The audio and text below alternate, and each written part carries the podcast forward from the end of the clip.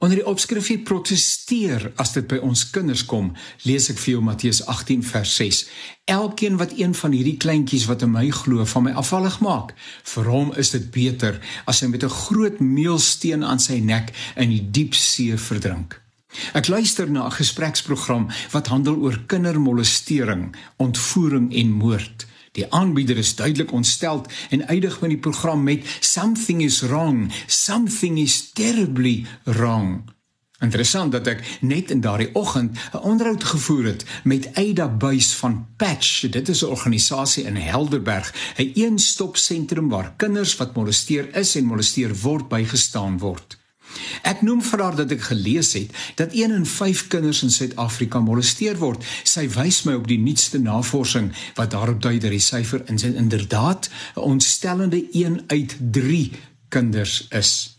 In die program waarna ek luister, probeer een van die deelnemers perspektief gee. Suid-Afrika is 'n getraumatiseerde land, sê hy. Hurt people hurt other people.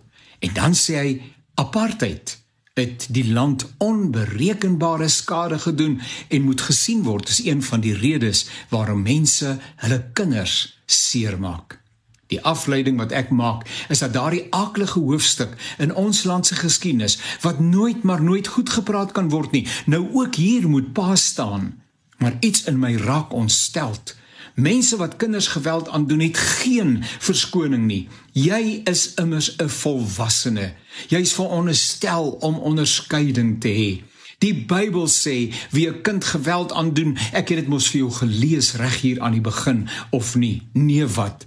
Geen verskoning kan aangebied word wat die mishandeling of die molestering van 'n kind regverdig nie. Nog erger wanneer die familie die skuldige beskerm en die kind die skuld gee of in ontkenning lewe.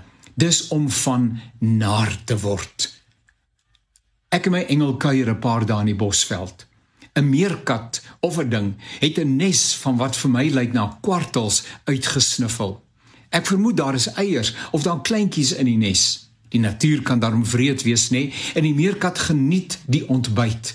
Die voëls egter proteseer met alles wat hulle is. Hulle raas en vlieg rond en probeer die meerkat verwilder. Ongelukkig is hulle nie in staat om hulle kleintjies te beskerm nie, maar ons is nie voels nie. Ons is beelddraers van die lewende God wat onder opdrag leef en ons opdrag is om ons kinders vir die Here groot te maak. Suid-Afrika, waarheen is jy op pad? Die land is op vele terreine bankrot, want ons nou ook ons eie kinders aan die kapers van die samelewing oorhandig. Nee, Ouers moet strate toe. Ons stemme moet luidkeels gehoor word.